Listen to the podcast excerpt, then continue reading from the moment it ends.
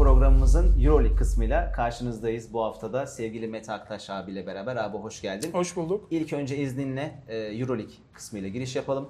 E, Aha. Fenerbahçe Beko evinde kritik bir galibiyet aldı. Aslında maçın uzun süre büyük bölümünde zorlanan Fenerbahçe Beko 3. periyotta belki hani maç gitme noktasına gelirken dahi orada kritik belki hamlelerle dış atışlarla beraber maçı kazanmayı bildi. Genel bir değerlendirme alabiliriz senden. Çift maç haftasını tabii iki galibiyetle bitirmek, bir de üstüne gelen liderlik büyük bir sevinç yarattı Sarı Lacivertli camiada. 4'te 4 ile başlamak gerçekten çok önemliydi. E, averajlı Olympiakos'un önünde lider durumdalar. Asvel maçında hatırlarsan Asvel maçını geçen hafta konuşmuştuk. İlk 3 çeyrekte maçın bitmesinin Fenerbahçe adına büyük bir şans olduğunu söylemiştim. Yani fiziksel olarak Valencia maçına 48 saat sonra oynanacak o Valencia maçına fiziksel olarak daha diri kalacağını söylemiştim ki bu e, fiziksel olarak gelen avantajı ikinci yarıda gördük. Çünkü Valencia'da çok tempolu bir takım biliyorsun. Anadolu Efes karşısında da e, sürekli işte hızlı oynamaya çalıştılar. 92-91 bitmişti zaten. 92 sayı atmıştı.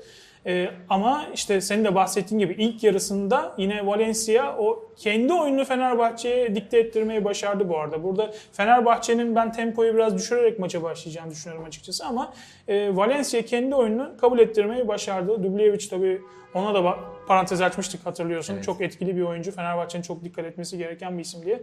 Gerçekten çok iyi oynadı. Özellikle ilk yarıda. Ve Valencia dış atışlarda da çok yüksek yüzdeyle oynadı. E, 7 isabetli üçlük buldu ilk yarıda.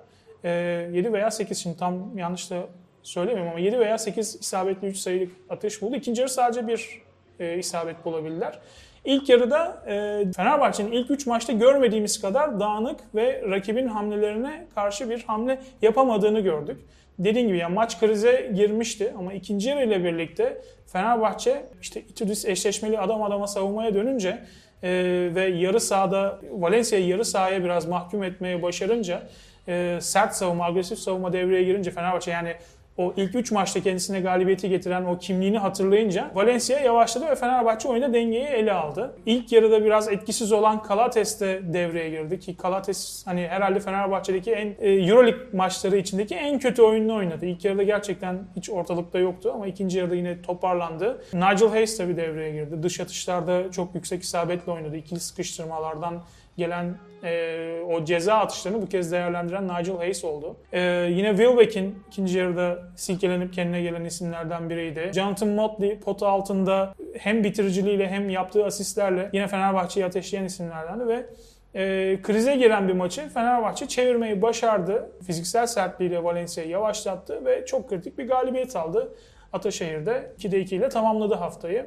Ve şimdi de e, Anadolu Efes maçına hazır. Ona da zaten ileride değineceğiz. Son olarak şunu sorayım abi. E, Valencia'nın çift maç haftasını İstanbul'da geçirmesi hani fizik olarak daha diri kalmalarında bir faydası olmuş mudur? Olsa da yine de e, ilk yarıdan sonra ikinci yarıda o Fenerbahçe'nin sertlik dozajını arttırması, oyunu yarı sahaya indirmesine karşı e, çözüldüler. Yani yine bir e, o fiziksel yıpranmayı hissettiler diye düşünüyorum. Yüksek tempolu oynamalı e, oyn- oynadıkları oyunun bedelini son çeyrekte ayakta kalamayarak ödediler ki benzer bir şeyi Alba Berlin için de söylemek mümkün. Ataşehir'in atmosferinin değişmesini bilmiyorum sen de fark ettin mi?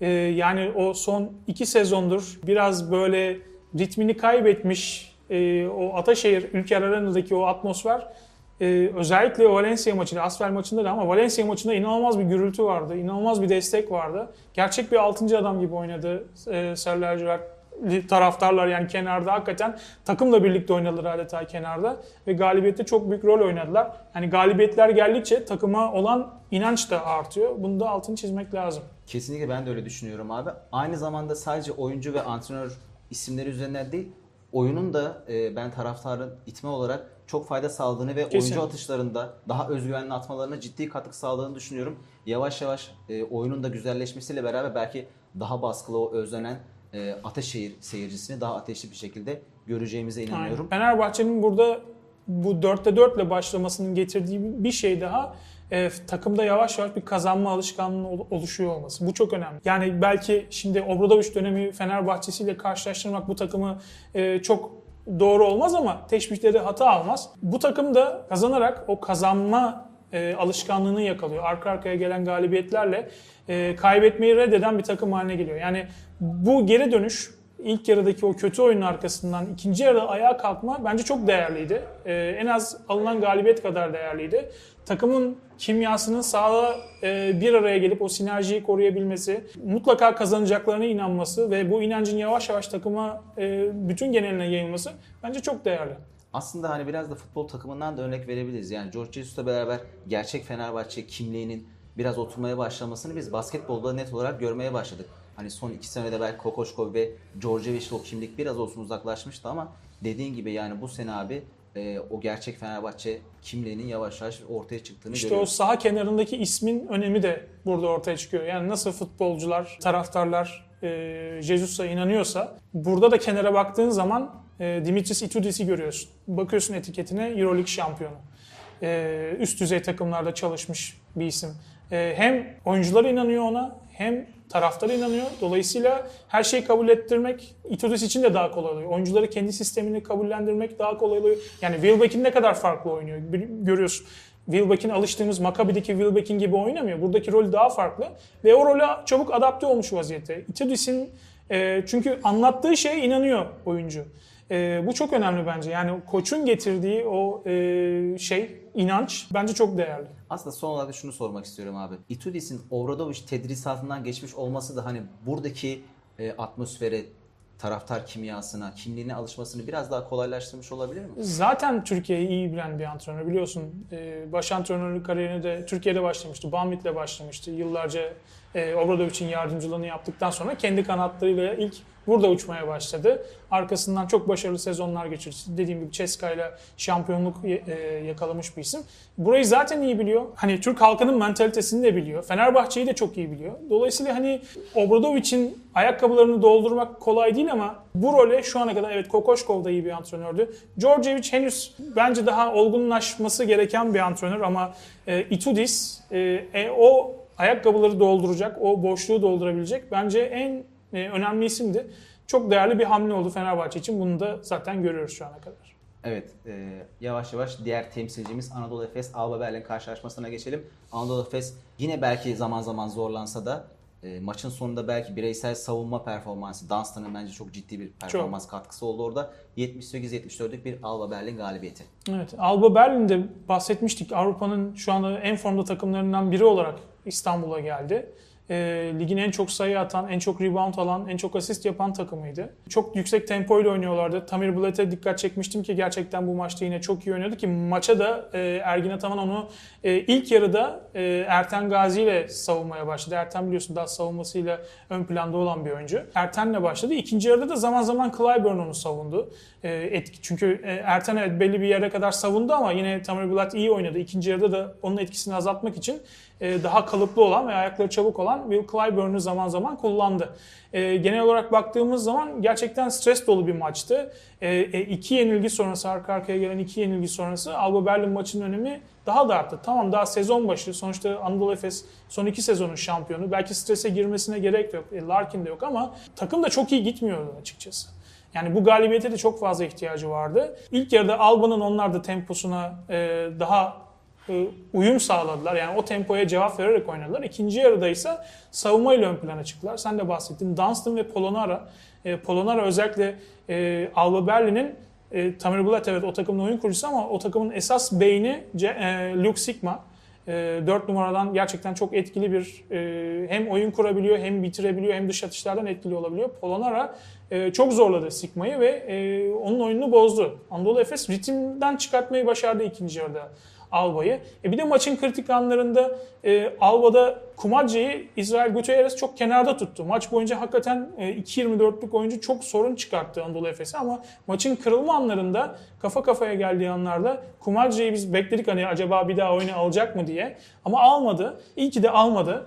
E, Alba Berlin koçu Gutierrez. E, Anadolu Efes'te maçın kırılma anlarında o işte şampiyonluk kimliğini ortaya koyarak galibiyet aldı ki e, Mitsic'in, Clyburn'un, e, Boboa'nın şut gününde olmadıkları da kesin. Çok düşük yüzdeyle oynadılar önceki maçlara göre ama yine çok süre aldılar. Geçen haftaki programda da bahsettim. Mitsic ve Clyburn'un aldığı ağır dakikalardan bahsetmiştim. Bu iki oyuncu yine çok ağır dakikalar aldı bu maçta da. E, hakikaten bu nereye kadar böyle gidebilecek? Ben çok merak ediyorum. E, Larkin'in de daha Aralık ayında e, dönmesi bekleniyor. Daha bir ay daha var. E, yani bir transfer gelecek mi bilemiyorum ama şu anda yani Allah korusun Mitsic'te bir sakatlık geçirse şu anda Anadolu Efes'in oyun kurucu rotasyonu hani neredeyse yok denecek kadar az. Çünkü hani e, ne Burhan'a çok güveniyor, ne işte e, Elijah Bryant'a güveniyor, ne e, Erten Gazi'ye güveniyor. Oyuncular da fazla güven veremiyor sahada gösterdikleri performansa. Dolayısıyla orada öyle bir sıkıntı var. E, Mitsic ve Clyburn üstüne binen, e, binen yük. E, Clyburn de mesela ikinci yarıda şut yüzdesi düşmesi biraz da bundan da yani hem bahsettiğim Blatt'ı savundu hem hücumda bir şeyler yapmaya çalıştı. İlk yarıda daha yüksek yüzdeyle oynadı. İkinci yarıda çok fazla şut kaçırdı. Bu biraz da yorgunlukla alakalı. Tabii maçtan sonra Ergin Ataman'ın bu arada maçta gerçekten çok kötü oynayan ve haklı eleştirisinde son bir iki maçtır gerçekten yerlerde oynayan e, Zizic'e karşı eleştirileri vardı. Ama her oyuncuya karşı da acaba bu eleştiri ne kadar kaldırılabilir seviyede olur? Şimdi e, zaten bazı oyuncular bu tür eleştirileri yani kamuoyu önünde e, koçun eleştirisini kabul, kabullenir, iç, içselleştirir, bundan beslenir, bundan içindeki ateşi yakar ve sahada daha iyi oynadığını görürüz ama her oyuncu böyle oynayacak diye bu şekilde e, bir tepki gösterecek diye bir kural yok. Biraz riskli bir hareket bence Ergin Ataman'ın yaptığı. Zizic hakikaten son maçlarda dediğim gibi kötü ama o bu açıklamadan sonra biliyorsun hafta sonunda bir Bursa maçı vardı. E Zizic orada da yokları oynadı. Yani dolayısıyla o açıklamadan çok olumlu etkilendiğini söyleyemeyeceğim. Bundan sonrasında da dikkat etmek lazım. E, çünkü Zizic bu takımın bir birinci e, ana 5 numarası ama son özellikle Cumhurbaşkanlığı Kupası'ndaki Fenerbahçe maçında biliyorsun MVP olmuştu. 22 sayı 5 reboundla oynamıştı. Ama sezon başladığı günden beri e, Zizic'te sürekli bir düşüş var ayaklarının yavaşlığıyla Efes yüksek tempoda oynamak istediğinde e, git gel de yoruluyor ve bir zafiyet haline geliyor. İkili oyun savunmasında yoklar oynuyor Zizic. Peki abi e, transferden bahsettin aslında hani Clyburn ve Misic'e bu kadar yük binmesini daha hafifletmek adına bir kısa transferi mi sence olur? Ne yani e, bir kısa transferi bence yapılmalı ama e, Anadolu Efes bu anlamda bir hamle yapacak mı? Açıkçası ben de merak ediyorum. Hani bunu içeriden halletmenin yolunu belki bakıyorlar ama hani dediğim gibi ne Buğrahan'dan ne işte diğer isimlerden Erten'den hani belli bir şey alamıyorlar, verim alamıyorlar. E, alamayınca da e, şu anda sıkıntıda gidiyor. Hani hep bu arada e, 4-5 e, rotasyondan bahsettik. Hani Anadolu Efes'in sıkıntılarını özellikle 4 numarada ama hani Polonara, Embaye özellikle son maçta Polonara da e, devreye girdi. E, bence şu anda esas sıkıntı 1 numara ve 5 numara gibi duruyor. Euroleague kısmıyla alakalı eklemek istediğim bir şey yoksa abi bu hafta E, Valla şeye geçelim tabii Euroleague ile ilgili bu hafta konuşmamız gereken bir de Anadolu Efes Fenerbahçe derbisi var Evet. biliyorsun. Ona bir birkaç dakikada ondan bahsedelim. biraz daha ayırabiliriz aslında. Yani Çok konuşacak şey var tabii ama tanesi. e, Cuma akşamı oynanacak Euroleague'deki Türk derbisi. Yani Fenerbahçe, Anadolu Efes hani bundan bir ay, bir buçuk ay önce karşılaşacak olsalardı iki takım için çok farklı cümleler kurardık herhalde ama e, o Cumhurbaşkanlığı Kupası maçındaki Fenerbahçe artık yok. Çok farklı bir Fenerbahçe var. Çok da oturmuş bir Fenerbahçe var. O dönem daha İtiris Avrupa Şampiyonası'ndan yeni dönmüştü. Keza Kalates aynı şekilde yeni dönmüştü. Daha takımla fazla idman bile yapamamıştı. E, dolayısıyla farklı bir Fenerbahçe izlemiştik. Biraz senkronu kayıp bir Fenerbahçe vardı. Ama şu anda çok Avrupa'nın en iyi savunmalarından birine sahip. Şu anda 65,5 sayı ortalaması galiba potasında görüyor Sarı lacivertler. E, gayet oturmuş bir savunması var. E, oyuncular iyi performans gösteriyor. Diğer tarafta ise iki oyuncunun sırtında ilerleyen ve yorgun bir Anadolu Efes var. Şimdi çift maç haftası, çift maç haftası diyoruz. Anadolu Efes için 3 maç haftası oldu bence. Yani o Bursa Spor maçında Çok harcanan efor çok sert bir deplasman, çok zor bir deplasman. Alınan bir yenilgi gerçekten hiç kolay olmayacak ama tabii sonuçta e, sahada hani bu bir derbi hani derler ya derbide hiçbir şey belli olmaz. Sahada oyuncular konuşur. Hakikaten bu da öyle bir maç. E, bir tarafta yine her ne kadar yorgun da olsalar işte Mitsic, Clyburn gibi iki tane çok değerli isim var. Fenerbahçe'ye her zaman ters gelen bir Clyburn var. E, Mitsic'in zaten bu ligin MVP'si, Euro ligin MVP'si neler yapabileceğini biliyoruz. Zizic belki burada kendine gelebilir. Yani Cumhurbaşkanlığı Kupası maçındaki performansını hatırlarsan hakikaten Motley'e çok zorlu anlar yaşatmıştı. Zizic'in de bir çıkış maçı olabilir tabii. Onu hep birlikte göreceğiz ama çok zor bir maç olacak. E, favorisinin ol, olmayan bir maç ama şu anki durumda belki illa bir favori söylersen %51 Fenerbahçe diyebiliriz şu anki iki takımın durumuna Evet, bakarsan. belki dediğin gibi abi hem fiziksel hem psikolojik anlamda da üstünlük belki bir tık hani Fenerbahçe Beko'da evet, olabilir. evet. Fenerbahçe Beko adına peki hani tez ve antitez olabilecek isimler bu maçta sence kimler olabilir? Şimdi e, Nick Kalates için çok önemli bir sınavdı aslında. Zorlu bir rakiple oynadı. E, biraz da baskı yaptılar. Şimdi yine e, Efes maçı da onun için bir önemli sınav olacak. O Fenerbahçelilerin hep korkusu olan kritik maçlarda, dış atışlarda ceza şutunu atabilecek mi, atamayacak mı mesela. O çok önemli. Burada biraz daha seviye yükselecek. Daha üst seviye bir son iki, iki sezonun Euroleague şampiyonuna karşı oynayacaklar. Dolayısıyla onun performansı yine çok önemli. Nigel Hayes yine burada çok kritik olacak. O da normalde biliyorsun geçen sene Barcelona'da e, Yasikevicius onu 3 numara kullanıyordu ama Itudis'in 4 numarası ve e, topsuz oyunda çok iyi. Ve o da ceza atışlarını e, hani Valencia karşısında özellikle ikinci yarıda üst üste sokarak büyük bir avantaj getirdi. O yine bu maçın kilit ismi olabilir Fenerbahçe açısından. Hazır Anadolu Efes konuşuyorken abi biraz da aslında yavaş yavaş Türkiye Basketbol Süper Ligi'ndeki bu haftaki o sert deplasmanı da Bursa Spor deplasmanı da konuşalım. Efes kadar hatta belki Efes'ten daha dar bir rotasyonla oynayan Bursa Spor ve e, biraz da bireysel performansa değinecek olursak Onur Akbitim'in performansına da biraz değinmeyi aslında isteyebilir. Onur Alp bitimin inanılmaz çıkışına sahne oluyor bu sezon. Hakikaten e, hepimiz takip ediyoruz her hafta performansını. Türk basketbolu için tabii büyük bir kazanç olacak Onur Alp bitim. Anadolu Efes altyapısından yetişmiş bir oyuncu ama orada istediği şansı bulamadı. Bursa'ya geldi ve Bursa'da her sezon üstüne koya koya gidiyor. Bursa Spor da e, Alimpiyevic'in koçluğunda Hakikaten iki sezondur. Geçen sezon Euro Cup'ta zaten e, final oynadılar. Bu sezon yine e, Euro Cup'ta çok önemli işleri imza atıyorlar. Efes maçı öncesi onlar da yine Bursa'da Badalona'yı yendiler. E, Badalona da önemli bir rakipti. Çok iyi bir kadro, çok iyi yani çok iyi bir kadro derken çok derinliği yok ama bu derinliğin olmamasının nedeni de tabii Zach August sakat yoktu. Bir de e, yeni transfer e, ismi, ismi neydi? Sindarius Tornwell daha henüz e, takıma dahil olmadı. E, o ikisi de dahil olacak ama 6 kişiyle oynamasına rağmen taraftarın da müthiş itici gücüyle Anadolu Efes karşısında e, gerçekten çok flash bir galibiyet aldı. Onur Akbitim de eski takımına karşı müthiş bir performans gösterdi. E, Ahmet Düverioğlu'na yine bir parantez açmak lazım. Hani Fenerbahçe'de iyi bir rol oyuncusuydu. Burada farklı bir rolde Zizic'i de denize döktü. 17 sayı 11 reboundla galiba tamamladı maçı. Ee, müthiş bir galibiyet oldu Bursa açısından. Anadolu Efes'te Fenerbahçe maçı öncesi yani iki tane Euroleague zorlu Euroleague maçı öncesi iki, daha doğrusu iki Euroleague maçı arkasından Bursa Spor karşısında da yine çok zorlandı.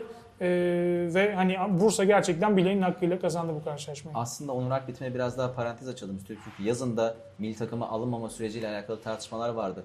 Bu konuda abi sen ne taraftaydın?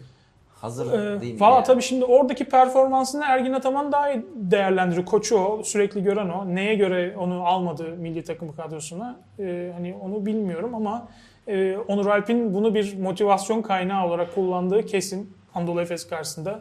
Hani attığı her şuttan sonra şöyle bir yan gözle Efes bench'ine Ergin Ataman'a doğru baktı. Hatta bir takip smacından sonra artık bayağı e, öfkesini ortaya kustu diyebiliriz herhalde. E, bir motivasyon kaynağı oldu tabii için. Şey Onur Alp için. Bir diğer karşılaşmamızda derbide Beşiktaş Emlakçı deplasmanda Galatasaray Nefi 74-67 ile geçti. E, çok enteresan bir üçüncü periyot. Evet. Yani benim son yıllarda gerçekten izlediğim e, çok enteresan çeyrek performansı. E, nasıl değerlendirirsin abi maçı? Beşiktaş tabii e, ilk 3 maçını kaybetmişti. E, ligde ve Avrupa'da iyi gitmiyorlardı. Onlar için e, derbide bir galibiyet almak, bu şekilde bir galibiyet almak çok değerliydi tabii. Galatasaray maçın ağır favorisiydi. Belki de biraz da bu ağır favori olmanın getirdiği bir rehavete de kapılmış olabilirler. E, ilk yarıda hani istediği oyunu ortaya koydu Galatasaray ikinci çeyrekten itibaren ama hani berbat bir üçüncü çeyrek oynadı. 3 sayıda kaldı Galatasaray ve e, hani kenarda Pistiolis'te hiçbir müdahale edemedi. Maç içindeki hamleleri zaten korkunçtu ki bu maçın kaybedilmesinde bence e, Pistiolis baş sorumlu olabilir Galatasaray açısından. E, hani Raymar Morgan çok kötü bir günündeydi ve ona çok fazla e, sabretti diyeyim. Ama ona çok fazla sabretmesi Galatasaray'da hücumda e, bayağı ritimden çıkarttı. Beşiktaş'ta hani işte Orelik müthiş oynadı. E, Jordan Usher'ın Jordan ekranlardaki- e, bir çaylak e, oyuncu. ilk Avrupa deneyimi. Müthiş bir oyun ortaya koydu gerçekten. Arka arkaya smaçlar, dış atışlar. E, Beşiktaş açısından çok e, kritik, çok moral verici bir galibiyet oldu. Evet eklemek istediğin bir şey yoksa e, hava atışı programımızın Euroleague kısmının burada sonuna gelmiş bulunmaktayız. Gelecek hafta görüşmek üzere. Kanalımıza abone olmayı, videolarımızı beğenmeyi ve bizi takip etmeyi lütfen unutmayın. Hoşçakalın.